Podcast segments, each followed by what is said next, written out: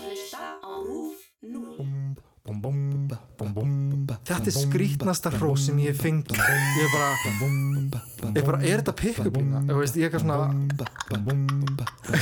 En hún bara kemur fram eins og hún er klætt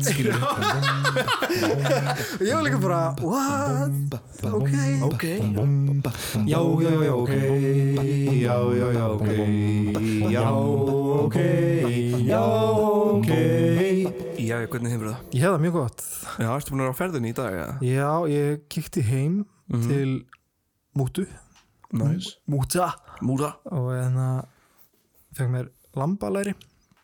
Og bræði mínu komið líka og pappi og, og við töluðum um golf Næs töluðum um pólitík. Já, ég er búinn á því.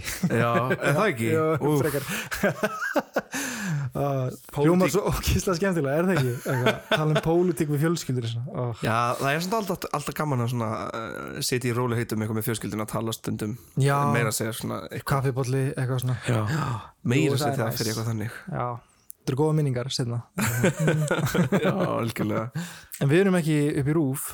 Nei, við erum heima. Við erum heima, Um, það er svo kósi Það er svo kósi Já, Mér, Ég bað um að fá að vera að taka upp heima já, Mér langaði smá, ég svona þurfti það er bara allt í lagi. þurfti aðeins á því að halda finnst mér. Já, en, uh, verður stundum dálítið svona yfir mér en maður svona leggja stað á rúf og eitthvað svona og vera að setja sniður og eitthvað þannig og fyrst að hefur virkað að taka upp þá svona af og til kannski leif okkur að já taka upp einn og einn. sérstaklega líka því það er sunnudagur hjá okkur sem þýðir að það var lögadagur í gær. Og þú varst með frumsýningu í gær. Já ég var sína uppistand. Já, einmitt, í Tjarnabíó mm geggjað, það gekk mjög vel. Já, takk með Já, og mjög fyndið, þeir eru þeir eru þeir eru góðið saman, þeir þrýr sko alveg. Já, takk með Já, ég heyrt að við sem finnustu þrýr hvítir gagginir kallmenn svona, uh, svona uh, ef þú ættir að nenna að hlusta á einhverja kakkinu eða kallmenn að tala upp á svið þá væri það við einhver skilur. Það er náttúrulega er að opnast svo skemmtileg sena í uppistandi skilur og veist, með við það sem er að koma núna erum við gamalt form eða skilur Já, þrýr já, gagginir kallmenn er já. dálítið svona gamalt form skilur það, já. og það eru svo margir flottir hópar eins og bara góðar og finnustu mínar skilur þær Mhm. eru svona öðruvísi hópar einmitt þannig að það er svona það er, Mikið af svona hópum einmitt að koma eitthvað. já, það er dálítið svona, st- st- svona styrkleiki þar Já, náttúrulega Jakob Birgis er svona svo eini ungi uppistandi sem er búin að vera eitthvað einn upp á svið sem ég já, eitthvað svona mikið. Annars er náttúrulega Arnór Dæði annars að fara að sína núna Fringe Festival. Já, einmitt, einmitt. Þannig að hann er líka helviti skemmtilegur ef fólk nær að, horfa á hann. Já, og ég mæli með því allavega að, ná sýningum með honum. En svona alltaf Ari Eldjárn. Ari hann er búin að vera svo lengi hann er búin að vera svo lengi sko, hann er náttúrulega legend. Legend in the game sko við fengum mér að segja að fara að fund með hann sko, tókum nokkuð tips og svona. Já, vorum að renna í gegnum setupið og, og fá svona ábendingar hjá honum. Þannig að það var mjög næs. Eina sem kannski ég myndi gera var að lengja mitt aðeins en það er bara, Já, svo, ég er bara komið svo þétt sett skilur við, svona. en þetta er nefnilega flóknara en það lítur út fyrir að vera nefnilega. Já, veist, einmitt að plana settið og, og, og passa þessi þétt og já, gott flæði líka Nákvæmlega. Já, þetta er magna Mér er oft langað til að hérna, gera uppistand sko, Já. en ég bara þórið ekki ég þórið því ekki, en Það- kannski einn daginn. það verður bara að sparka Slæði þig til. sko. Það að í mig? Það bara sparkaði upp þannig var það hjá mér sko. Já, það var bara að finnast mér og var eitthvað, viltu gera mig uppistand með okkur? ég er eitthvað svona, uh, jú, ég er bara taldi hrættur ég er svona, já, ég veit það ekki, við bókum þig. Oh shit. Ó, ok. Var það uppistandi sem hún gerðir á, á Hard Rock? já, það var bara þegar þú fórst að sjá hana fyrst bara, nokkur úr bekknum sem skildi já. íslensku. Varst ekki stressaður? ég var að kúka á mig, ég er eiginlega alltaf að kúka á henni fyrir upp á svið sko. Stresskúka. Já, stresskúk þetta er ekkert fyrring í maganum, þetta er bara stresskúkur.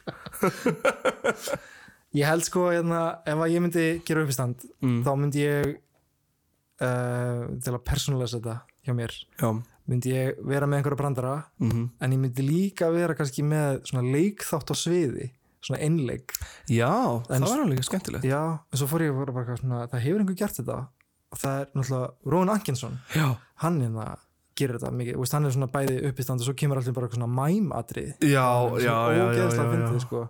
Það er náttúrulega margir ógeðslega líka þannig að Dimitri Martin stundum hann Já. kemur með, oft með gröf og svona teikningar. Svona gröfur svona þetta er prósentan og blá blá þetta er prósentan blá blá Það er svona ógeðslega fyndin hann sko Dimitri Martin er einu maður sem hefur skrifað bók sem ég hef bara þurft að halda inni með hlátri þegar ég var hlæja svo mikið yfir bók yfir bók, þetta var svo stygt pæling. Ég er eitthvað svona getur ekki verið ég sé að hlæja svona mikið yfir rituðu orði eða skilur Nei, bara nei, eitthvað nei. svona. Þetta var bara frekar ótrúlegt, hann er bara fáránlega fyndin líka bókin heitir This is a book skilur, eitthvað svo fyrsta blaðsinn This is a book og svo næsta blaðsinn eitthvað svona if you the eitthvað svona, if you are reading the book like this, good job, keep going. Eitthvað svo byrjar bókin einhvern veginn Gekkja. þetta er eitthvað svona Nexus bók eða ekki? Þú getur kæft hann í Nexus. Já, kannski, það er ógetrúlega erfitt að fá hana sko. ég myndi reyna að panta hana á netinu kannski ekki gegnum Amazon, uh, bara finna einhverja leið til þess að panta hana á netinu. Já, kannski gegnum bara fá uh, kannski reyna að sjá hvort Eymundsson getur pantað fyrir mann eða mála menning eitthvað þannig.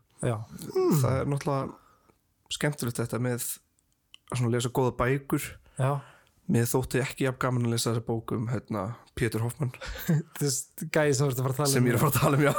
Eh, Pétur Hoffmann er sko æðislegu karakter Aha. og þetta er góð saga en íslenskan í henni er stundum fyrir mig aðeins of svona þér að segja heitir bókin. Fjörnir að skoða Veraldra bókina. Saga Péturs Hoffmanns Salomonssonar já, Þetta er geggja Þér að segja. Þér að segja. Ég skal segja af hverju eða svona kannski finnur fólk á tilfinningun af hverju það er ekki gaman að lesa þessa bók Já. en Pétur náttúrulega fættist í Helgafellsveit 1897 Ok, og hann byrjar ungur á sjó sko. þú veist, setna á æfinni var hann í ímis konar svona viðskiptum Já. og, var svona, hann var svona daldið frumkvöðl á sviði fiskútflutnings. Já, þetta er bara svona basically það sem hann gerði. Ok. En hann var miklu meiri og mikið svona flytja frosin ís og eitthvað sem var nýtt nei, frosin fisk. Frosin ís? Kóktelsós Náttúrulega ís? fyrir, fyrir það náttúrulega fengum alltaf bara ísinn í fljótandi form hérna, Oh my god, það var ógeðslega gaman að vita samt hvað margir fengu sér kóktelsós ís já, uh, það voru náttúrulega sterk viðbrögð þannig sem við fengum. TikTokið hjá mér sprakk. Já, og sprakk. nokkri unglingar voru alveg brjálaðir út í þig, sá ég. Uh, sagt okkur að flytja út úr landi meira að segja Það er svo komið Þetta er dálítið erfitt. Það var líka sko, það var ykkur gaur á matatips sem var alveg brjálaður yfir þessu. Eitthvað Ég myndi frekar sjú á inngróinni tá eða eitthvað. Bara hennan ógeð. Og ég eitthvað svona, mér leið bara eitthvað svona Hei, við erum bara skemmt okkur hérna eitthvað Þetta er bara flip. Þetta er bara eitthvað flippa, ekki vera svona reyður út í mig. Má ekki flippa. En svo voru sumið sem voru bara eitthvað, já, þetta make a sense. Já, út af frönskonu, sko, strax sem að komið franskan að fólk eitthvað svona, já. Já, að því ég gerði oft hérna í Danmörku ef maður fór á McDonalds Já. maður fekk sér shake, Já. McFlurry franskar. Mhm. og þú dýfðir franskunum ón í shakein. I kid you not, þeir sem eru bara eitthvað, what? Þetta er ógeðslega gott, sko. Og þetta koktelsósi ís með franskunum var svolítið svipað. Nema það var- varstu með koktelsósi bræði líka. Ótrúlegt. Það geggjað. Þetta var ótrúlega blanda með frönskonum, sko, það virkaði alveg. Þetta geti virkað sem cider kannski. Eitthvað Sem, svona, sem hvað? svona cider Já. svona citis á, Já, já, já, já, já, er Algjörlega, það myndi virka sem sætis á svona fínum veitingastað. Já, eða skallan svona- Já, eða skalla. Nýji specialin, fröllur og koktisósu ís. Eða koktisósu gelato. Gelato, sorry. Michelle vill að við segjum. Hann var brjálaður út í mig var Michele, sorry, Michele. Já, Michele. Ég sagði hérna einmitt eitthvað ice cream við hann eitthvað gelato. Já, og hann leitt tvisar eða eitthvað sko. Sorry. karakter. Líka það er ótrúlegt að taka viðtal við veist, ítalska manneski sem gerir gelato og það með svo ítalskan reym þetta var bara svona, hú, því líkt kombo. Þetta var bara ídalíða beint í æðan sko. algjörlega og hann líka sko er strax hann að læra íslensku. Hann er bara, þú veist, Já. hann byrjaði bara að spjalla við okkur smá íslensku hann í já, Náttúrulega viðtal er allt annað en Já. að geta bara spjalla á íslensku er bara mjög vel gert fyrir manni frá Ítalíu sem er bara tungumál sem hefur ekkert í sammenningu þannig já. ég menn það var ótrúlega fyrir pappa að læra íslensku Í- En- íslenska er ekki auðvöld tungumál held ég að læra sko. mér er þess að maður er sjálfur að tala alltaf vittlust oft. Já, já, en að máli málana þetta er lifandi tungumál er lifandi. Já, og algjörlega. tungumál hefur þróast með við líka bara þær bækur sem hefur lesið fyrir þessa þætti.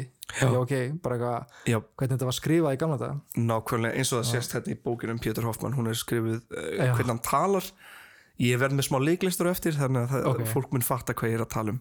En hann var ekki að, að uh, fykta eitthvað með frosin ís? Nei, hann var að fykta með frosinn fisk. Já, og hún var að þá svona já, hún var að frumkvöld á svona sviði fiskútflutnings þetta er basically það sem hann gerði, bara fiskbransanum og fiskútflutningur ok.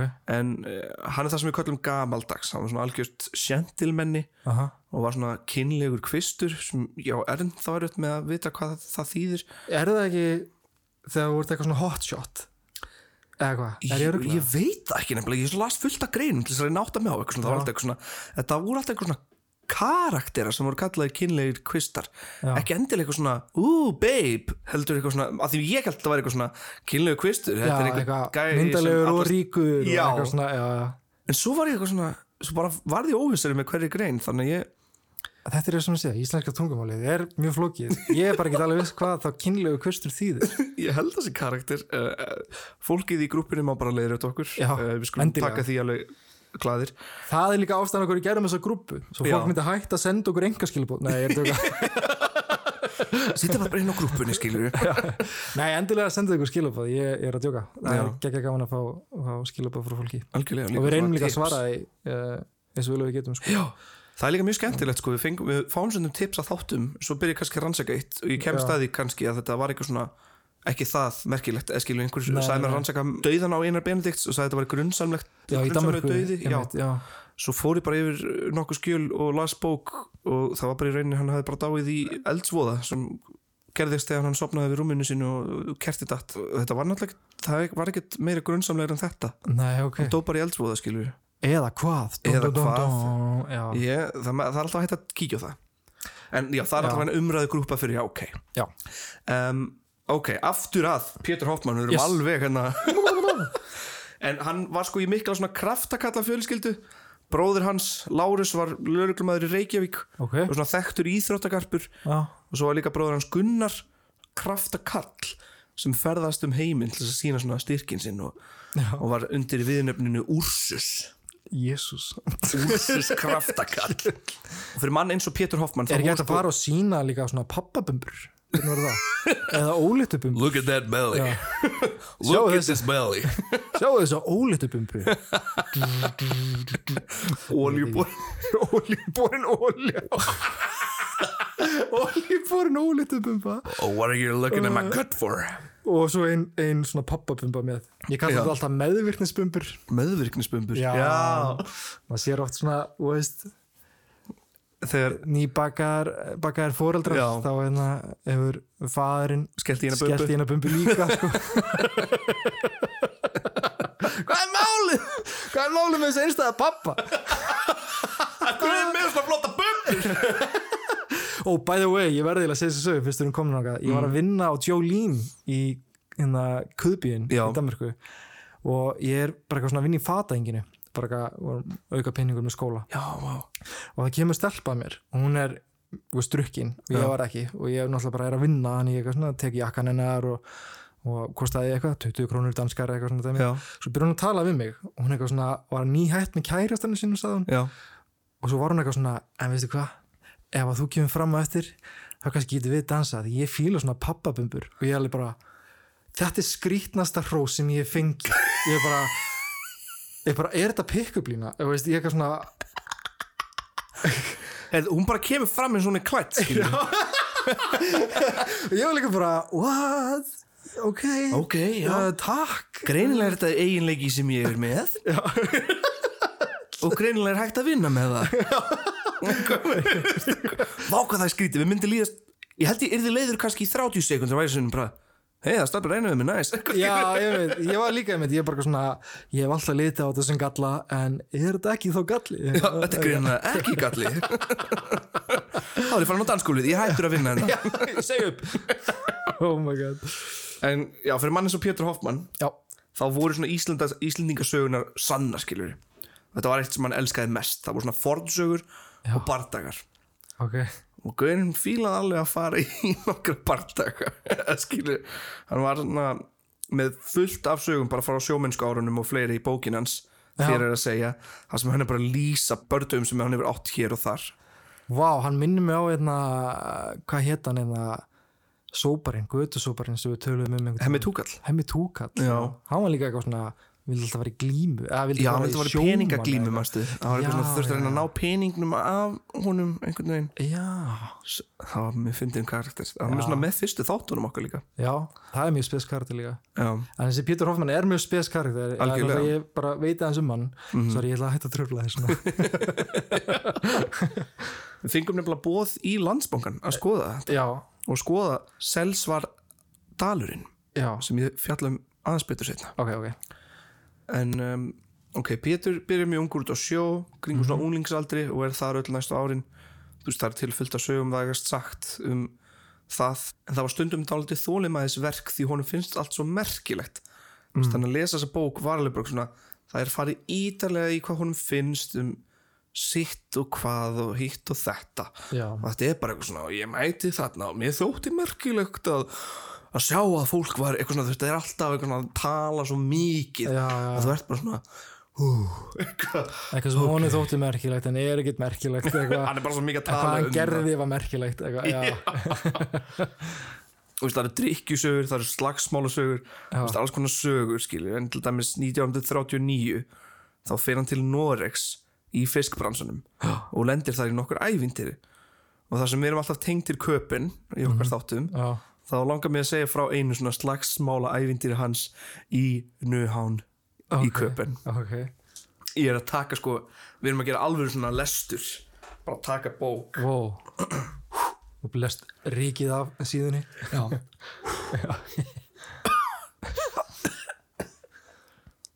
En var ég í ham þessum í járnbrauta lestinni frá Oslo til Kaupmannahafnar og ángraði mig það eitt á leiðinni að enginn skildi ívast við mér. Í Kaupmannahöfn fekk ég þessa nokkra bót. Sérðu hvernig hann talar? Já, ég veit. Nákvæmlega. Ég hvað að lesa. mér, sko. Ég er að ég er að pissa á mig eða nei, ég er svona degju stressi bara að lesa þetta. já, já, ég seta í þessu líka Já, já, Það er sett Þar dvaldist ég í nokkra dag og hélt fyrst upp í greindarlegum spurnum um samkvæmislíf en afréð síðan að aðtöðu máli að leggja leið mína í nýhöfnina. Þar væri helst skemmtunar að vænta. Ný, nýhöfnin er náttúrulega þannig aðal túristastæðurinn. Í nýhöfninni var mér gerð greið leiðin í knæpurnar og kom síðast í næturklúb einn og var þar vel fagnað. Lendi ég skjótt á tali við mann og konu sem buði mér að borði til sín. Var maðurinn hinn alltirlegasti, bæði svaragóður og hlýðin á mál mitt. En, já, ná, þú sér hvernig hann er að tala þetta, jöfus hvað það var erfitt að lesa þetta bók. smá, ég Já, líka En hins vegar var því að var að á meðan við skemmtum okkur við orðakaup var hendi smá laumað í vasa minn. Er ég fór í hann sjálfur andartaki setna voru á burt úr honum tveir tíu krónar seðlar norskir sem þar átt að vera. Og þar gerði stúlkan ránt að taka mér peningana. Ég hafði þegar upp í kröfum og konan skilaði mér fémínu án tafar. En þá sprutt upp tveir kattmenn henni til varnar. Sá sem hjá henni satt við borðið og annar til. Já, gengu þeir dólgslega að mér og settu mér úrslitakosti sem ég svaraði með því að slá þeim saman svo að báðir lög lág í öngviti þetta er svo teiknum Ég veit það. slá, dung, hausanum á þeim saman. Þannig að slæða hann að hausina á þeim saman eftir að það rændu peningunars á einhverju knæpu í, í nýhöfninni. Jésús, fólk, þið getið sko ímynda ykkur líka að þessi gæi, hann lítur út eins og Churchill. Já, svona, já, þannig gott að ímynda sig nákvæmlega. Á samri stundu varð mikið uppþótt í kránni og settist nú fjöldin að mér. Var ég þess þá áskynja að hér var ég óvelkomin í vondan stað innan um greip ég nú til þess bræðs að ég þrýf stól einn vinstri hendi og ber fyrir mig. En með hægri tók ég allt lauslegt sem ég náði til og let ganga á múgin líðurinn svaraði sömu mynd og gríti mig og tók ég þá sinn stólinn hvorri hendi og bar af mér uns danska þraut skotvopnin? Já, hann tekur tvo stólar eitthvað Ah! sveifandi um Já. þá lagði ég til atlögu og hafði hendur á sömum en aðrir komust undan út um dyr og glugga skeitti ég þá engu hvort ég átti við þjónu eða gesti því nú var á mér berseksgangur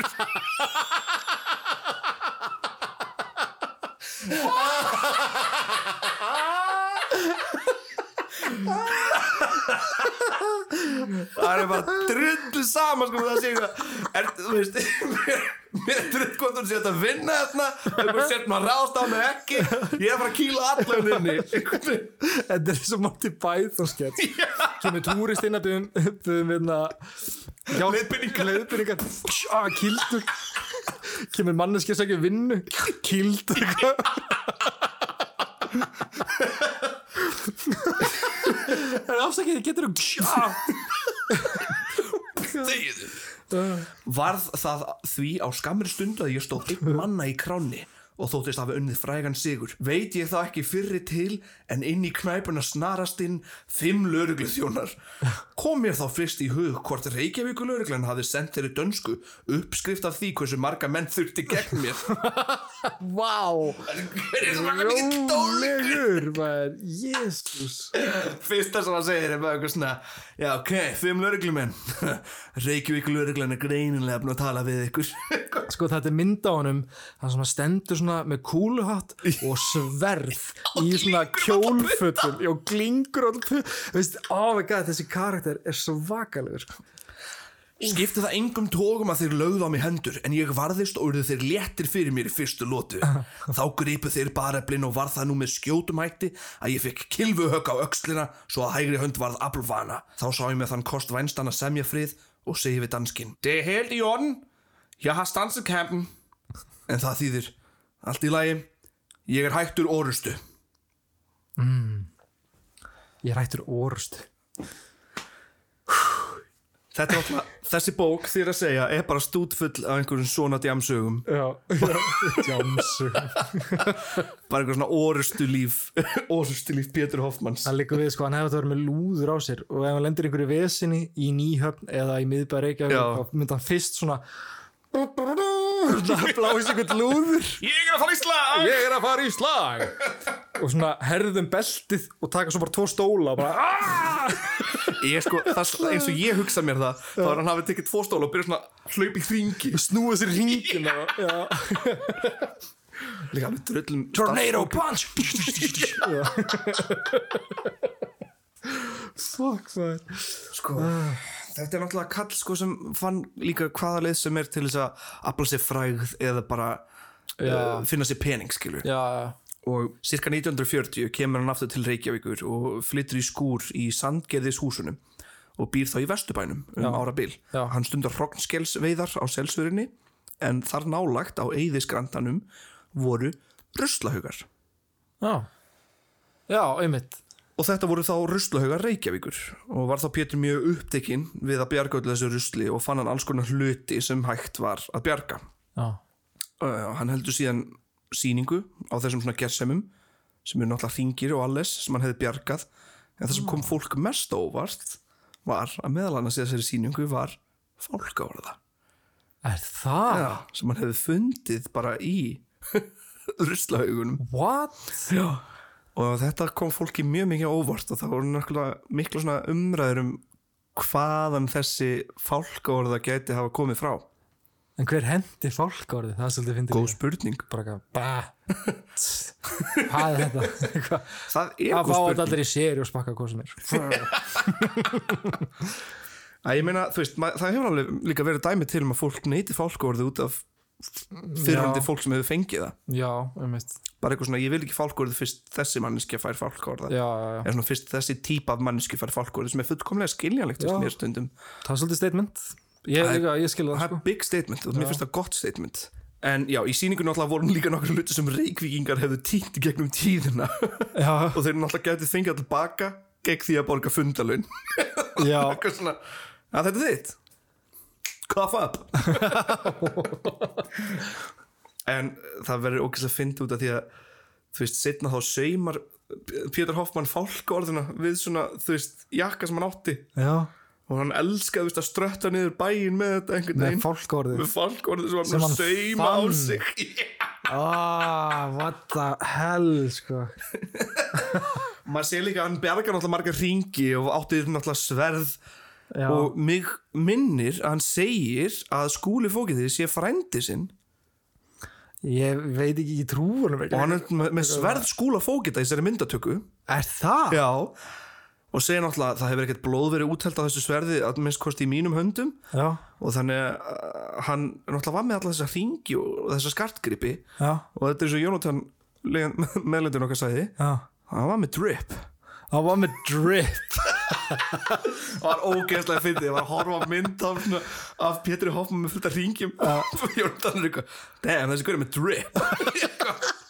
Wow ég held að mætti aldrei búast við að þessi orð eru notuð um Pétur Hoffmann árið 2020 Þetta er svona þeir heim, heimar stangast á Shit, hvað það finnir En við erum komnir í að mál málana Ok. 11. november 1943 Pétur Hoffmann berst við ameríska setulismenn í Selsvör í Reykjavík samkvæmt tónum Sem var það breski herin, já, einmitt. Eh, ameríski herin herinn? hann segir að það sé ameríski herin Jú, það getur verið rétt, já. 40 en ég ætla að lesa þarna 40. upp að vissu marki Já, út af því að þetta er aftur enn og aftur dálítið svona rugglingslegu texti og erfitt að lesa þetta. Ok. En ég, ég náði svona sirka hvernig bara þetta einn fyrir fram. Ok. En ég ætla að lesa aðeins. Svo gerist það aðfarnótt hins 11. november 1943 líklega klukkan langt gengin eitt er ég var að lesa í heiðarvígasögu Þeir eru að berjast vígabarði og þeir, Eiríkur Víðsjár, hefur fengið axarhögg og honum fótur um ristina en hann hvað og helt áfram berjast.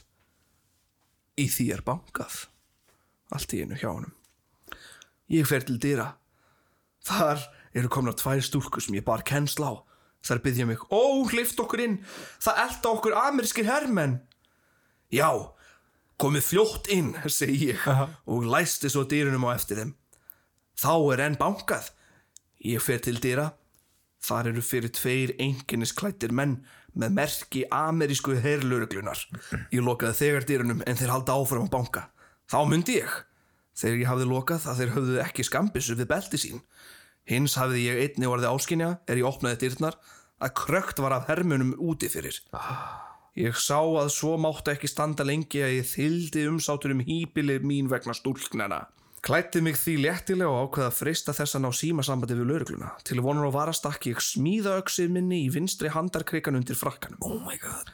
Nú ætluðu dólgarinn að riðjast inn þegar ég opnaði dyrnar, Ah. en ég gatt ítt þeim frá, læstu eftir mér og haldiði leiðar minnar. Komst ég í síma og náði tali af lauruglunni, sem ég baði mig að koma heið bráðasta. En stóðu við hústýri minnar, er ég kom tilbaka og býða nú ekki bóðana. Sé hvar blekar rýtingur á lofti og stefnir á mig. Ég greip þá hönd Hermannsins sem hnípnum hjælt og stöðvaði að læðið, en rýtingurinn fór samt í gegnum efri vör mína, skar hann í sundur og tók úr mér þrjár tennur. Ég greip nú lausu hendinni til Hermannsins, hóf hann á loft og kastaði honum langt vestur fyrir húsi.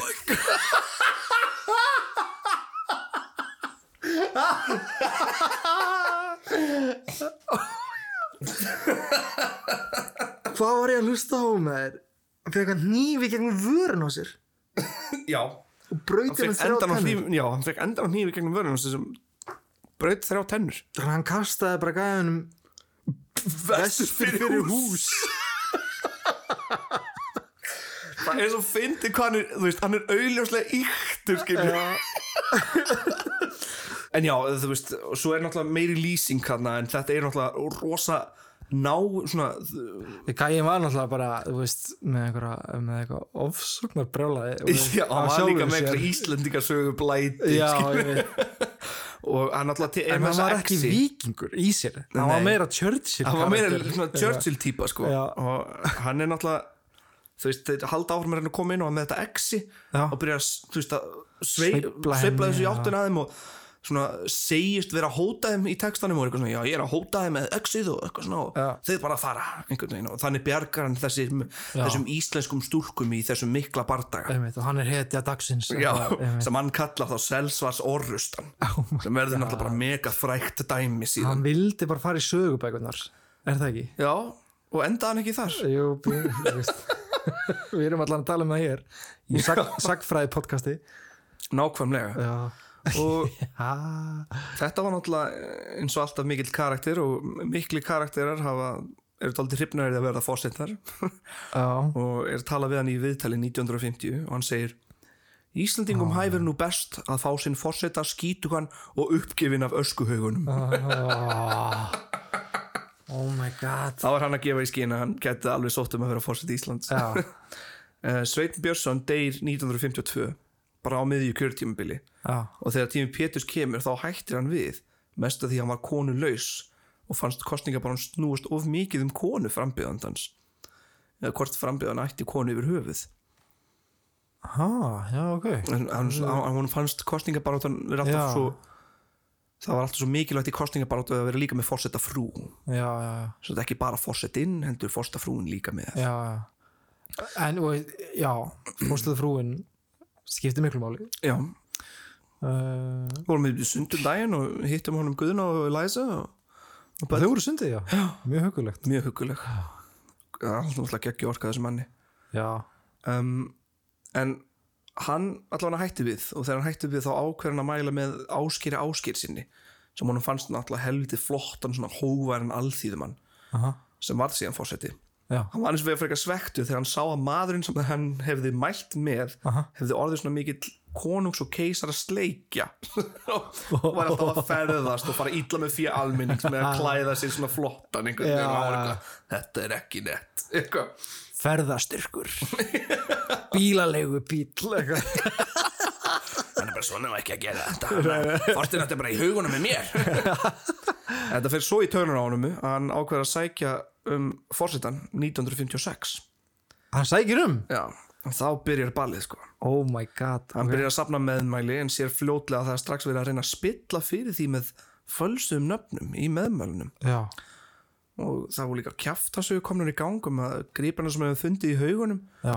væru eitthvað sem hann hefði stólið út úr hús reykvíkinga það byrja að ræða um geðhilsans svona hér og þar og það er oft reynd að fá lækna til þess að staðfesta það að hann væri klikkaður eða ekki í lægi andlega sem náttúrulega læknar gerði ekki. Nei, það hann var ekkert andlega veikur. Hann var náttúrulega bara karakter en það var ekki, það var ekki að honum nei, nei. í hausnum. Þú, hann er greindur egoisti. og náttúrulega Hann er greindur hegómafull. Hvað var þessi grein? Einu sem ég get gert með að hann sé hekumfullur það er alltaf bara margir þannig. En svo er líka sumir sem myndir að reynda mútan sem hætta við frambúðinu Sumir náttúrulega sem hótuð að berja hann eða myndi halda áfram. Það var eitthvað eitthvað rosa ég, ég veit ekki beint af hverju fólki var svona mikið á mótið í að fá hann í fórsetan sko. Þú veist, eitt líka það skrítnasta þó var þegar það var fundin handsbreykja nálægt heimilunans ok. sem náttúrulega hann hefði ekkert geta komið fyrir þar út af að hann var á Akureyri að safna meðmæli þá. Já. Það hefur reynd að sprengja húsið eða, eða kannski reyna að láta að líti út svo ætti handsprengju og hann væri bara klikkað skilu með handsprengju bara nálega túsin hans Já, já, já. En hver fann hana? Nákvæmlega, ég, það kemur ekki fram og náttúrulega hér vakna spurningar um hvort það sé verið að ræða um fyrstu pólitísku banatilræðið á Íslandi Ó, vá. svona fyrsta pólitíska svona, Já, já, já. svona fyrsta fyrsti tíminn sem er reynt að stoppa einhvern Já. Bara strax Fyrsta og þá síðasta. Það hefur ekki gerst er það? Nei, Ekki í Íslandi, nei. ekki svo sem ég viti en Jésus. maður veit aldrei stundum gleymist fólk í sögunar út af því svona til að þið virka geti við einhver frambjöndi sem við vitum eða bara höfum ekki lært af sem er kannski sótt um fórsetan og verið Nei, stoppað við höfum örugglega að vita að því, en ekki, en það er sótt um. en við vissum ekki þetta með Pétur Hoffmann þegar hann byrjar að safna með Nei, það er rétt. Oh, what? Oh my god! Já, ok, opna dyr af einhverju samsæri en að, oh shit. Þetta kemur allt aftur í dagsljósið. Við já ok, krifjum þetta og við komum þessu upp í dagsljósið. Undir eins. Oh my god. Ú, Við erum að fara að byrja að ganga um með sólgliru alltaf. Sjúkla secretive. Ég, Hvernig hefur það? Ég sveittur, ég sveittur, ég svo var, ég sveittur á öðruverðinni. Oh my god. og sko þessi andróður var til þess að það hægðist á söfnunum Já. og ekki hjálpaði að ríkis útvarpið Já, rúf aha, hafi neitað að tilkynna frambúðin hans og láta vita þú veist, því sem hann væri að gera. Já, og ég náttúrulega bara mun nota núna mitt plattform hérna hjá rúf að, bara til þess að byggjast afsökunar. Afsökunar. Afsökunar hafa ekki, Byðumst forláts. Við byggjumst forláts. Hey. uh, Nei, Fjón- það er náttúrulega er ekki lægi já, þeir bara, vilja þú ekki veist, skrifa að því að hann sé að sækjum að undirskriftir Já, þeir vilja ekki eins og nefna það. Eins og, eins og bara með, með fórseta kostingarna núna sem Mm. voru, veist, það er mjög mikilvægt að leifa frambjóðanda að fara á móti sitjandi fórseta þótt maður kannski vilja ekki, fattiru en það er bara mikilvægt að það sé hægt. Já, algjörlega, og hérna já, algjörlega. bara, bara það já. og bara, þú veist, að mínum að var þetta svo eitthvað, þú veist, það sást líka bara í, í kostninga tölunum, já. tölunum veist. En það er bara mikilvægt að þetta, skuli samt vera hægt. Algjörlega. En fjórum árum hefði alveg getað verið Andri Snær fattur Guðna. aðeins getur við Andri Snær. það hefði verið spennandi. Já, það er kannski smá, smá hitti þar. Já, En fjórum árum setna þá skrifa Pétur um þessa upplifun í bókinni Smádjöflar. Mhm. Liðið ofsóttið mig en smádjöflar unnu á mér.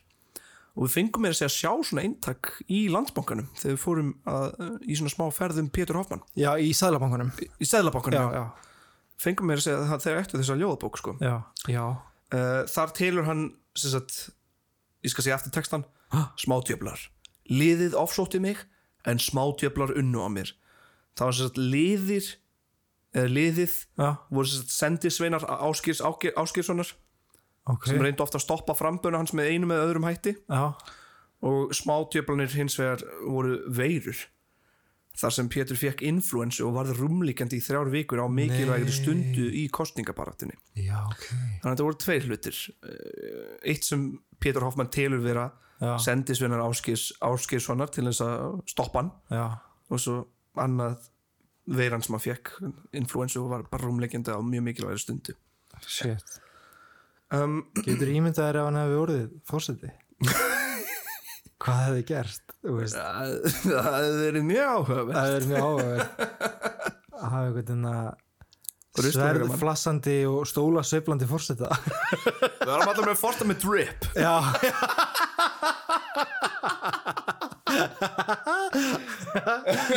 uh, Fyrir eldri kynslunum sem er að hlusta á okkur drip þýðir bara svona að vera með mikið af gulli Já. og vera bara vel klættur í nýjastu merkjum og, eða vera bara alltaf vel klættur allavega svona. en um, já og bling fattur já, bara bling með já, skín bara blingi með svona skín já.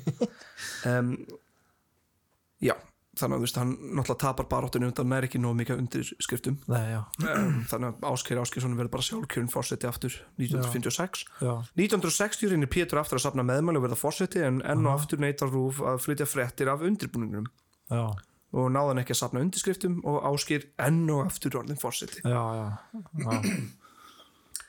en hér kemst Pétur Hoffmann enn og aftur í sögubækunar ok, hann er náttúrulega búin að vera að safna alls konar málumum já, og 1961 lætur Pétur Hoffmann slá mynd. Já, ég búin að við þessu. Úr málmi sem hann fann á ruslahaugunum já, tilengað Selsvarsbardagunum já! Það, það var framan á það var aftan á. Það var var aftan aftan á, þá sérðu öxina já, sem hann heldur á oh my god. Og á framhliðin er mynd af Pétri það sem í ofan stendur einn selsvarardalur. Og á baklið er skjaldamerki Péturs þar sem fyrir ofan stendur stóra selvur og undir stendur 1942 1960 og það var X-in já, það, var exið. skjaldarmerkið hans. já, það var skjaldamerkið hans. Wow alltaf þessi tilengust þar annað en Sæðlabankin, Sæðlabankin á eitthvað. Sæðlabankin á uh, nokkra já, og þetta er til sölu á sumstöðum ég fór í dag í kólaportið já, og spurði úti hvort einhverju var að selja selsvaradal. Hvernig viðbrið fyrst uh, fólk fannst ég bara mjög kjánalegur. Þetta er alveg, þetta er líka þessi, þessi gauð sem vinnur hann í bástum hann lítur að halda í sig eitthvað ruggla sko, ég, ég hef tvís að koma til hans. Já. fyrst skipti að leita latokrónum sem á hann bara eitthvað, ég er ekki með svona. Eitthvað, og núna að leita selsvardal og hann var eitthvað ég er ekkert að selja Eitthvað, hann er bara ógeðslega pyrraðar á mig bara næstu ég kem þá er hann bara eitthvað Ah, Hvað nú? hvað er hann að fara að byggja um núna? Hvers konar helst mynd er hann að fara að byggja um núna? En það er hægt að kaupa þetta svona í gegnum myndsöfnurum Já. og ég mun finna mér einn. Ég mun kaupa mér einn. Ef einhver á einn og er til í að selja okkur hann bara skrifa okkur. Já, til að láta okkur vita.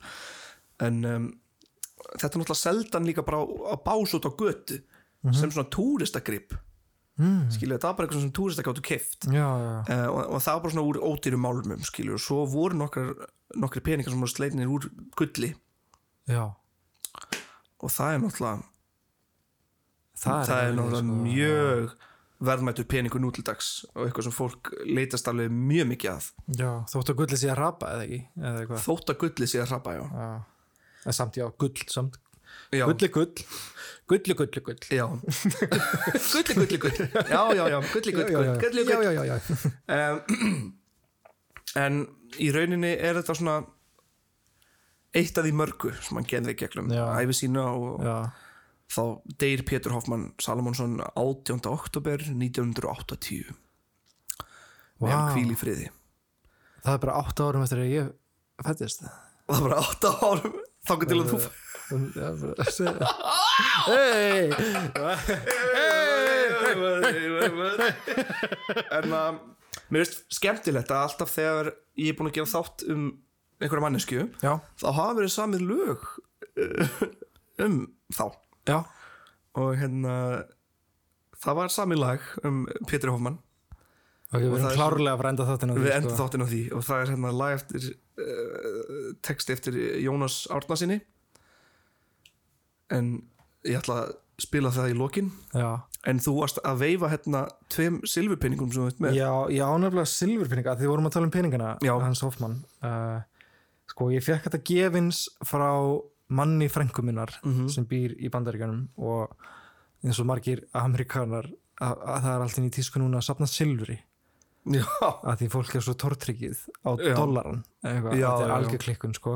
Hann gaf mér tvo svona silfurpinninga og þetta er sérst uh, já, þetta er, ég veit ekki hvað þetta er mikið virði þetta er, veist, ég sjá one ounce fine silver, one dollar já, eitt dollari en ástæðan okkur er að tala um þetta að því hann síndi mér líka pening sem seðlabankin í bandaríkunum gerði í samstarfi við seðlabankin í Íslandi. Er það? og það er svona silfurpeningur með mynd af Ingólfi Arnarsinni já þú meinar. Og skjaldamerkinu bakvið og þetta er þúsund króna peningur. Veist, þúsund króna króna já, það er. Var hvað það er skemmtilegt. Það er, þetta er sko, ég, það er eitthvað betra heiti í þessum peningum, ég veit ekki hvort það sé commem- commemorative coin eða eitthvað. Já, en það er eitthvað svona ákveð orð sko. Trump let einmitt líka prenta svona peninga og eitthvað þannig dæmi. Já. Um, ég veit, ég, veit, þú veist, ég bara kom með eitthvað silfur með mér heim og ég bara, hvað ég að gera við það? Mér finnst það geggja sko. já, ég sapnaði peninga þegar ég var krakki.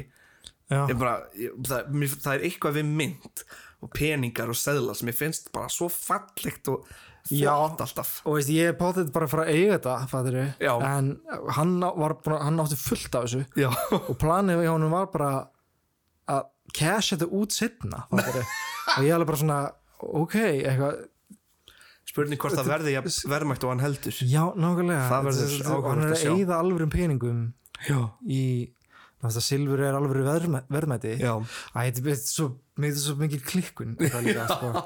en já en bara, mér finnst bara þessi Ingólfur Arnarsson Sæðlabanka silfur króna, þúsund krónur fattir við, já. Svo ógeðslega merkilegt og mér langar í einn.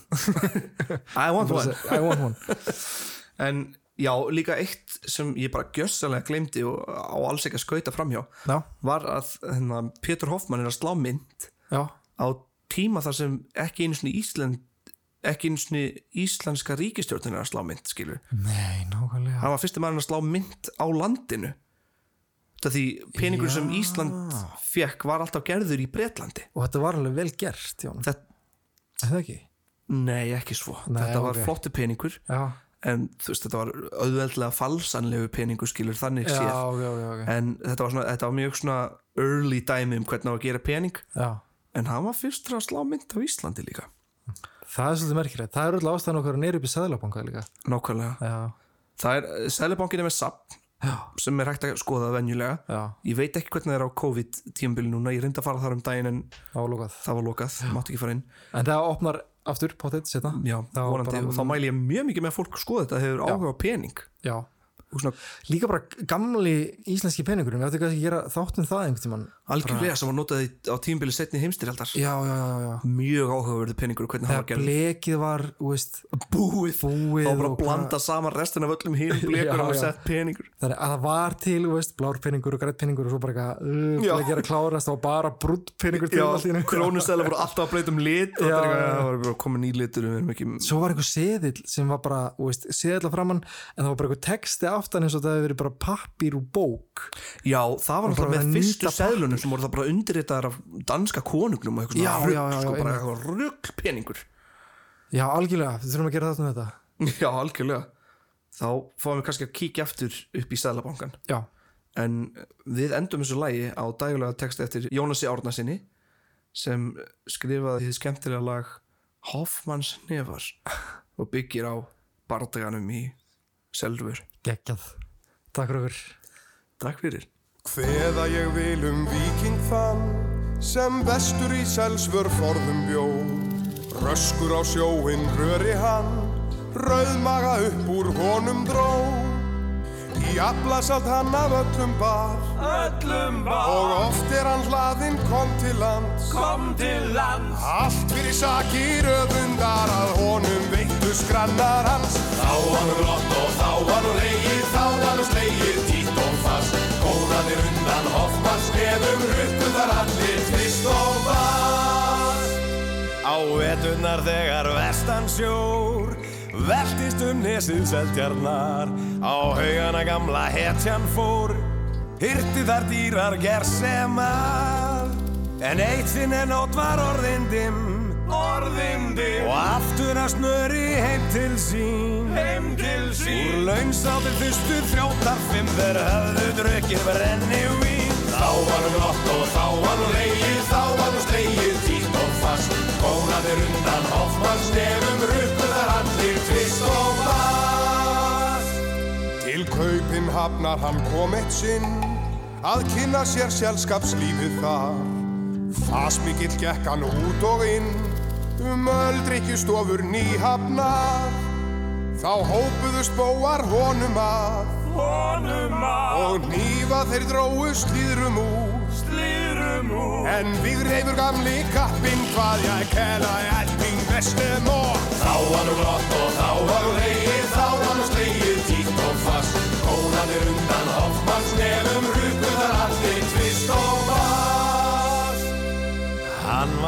alla hreitn og bein og laut enda mikla fræð af því.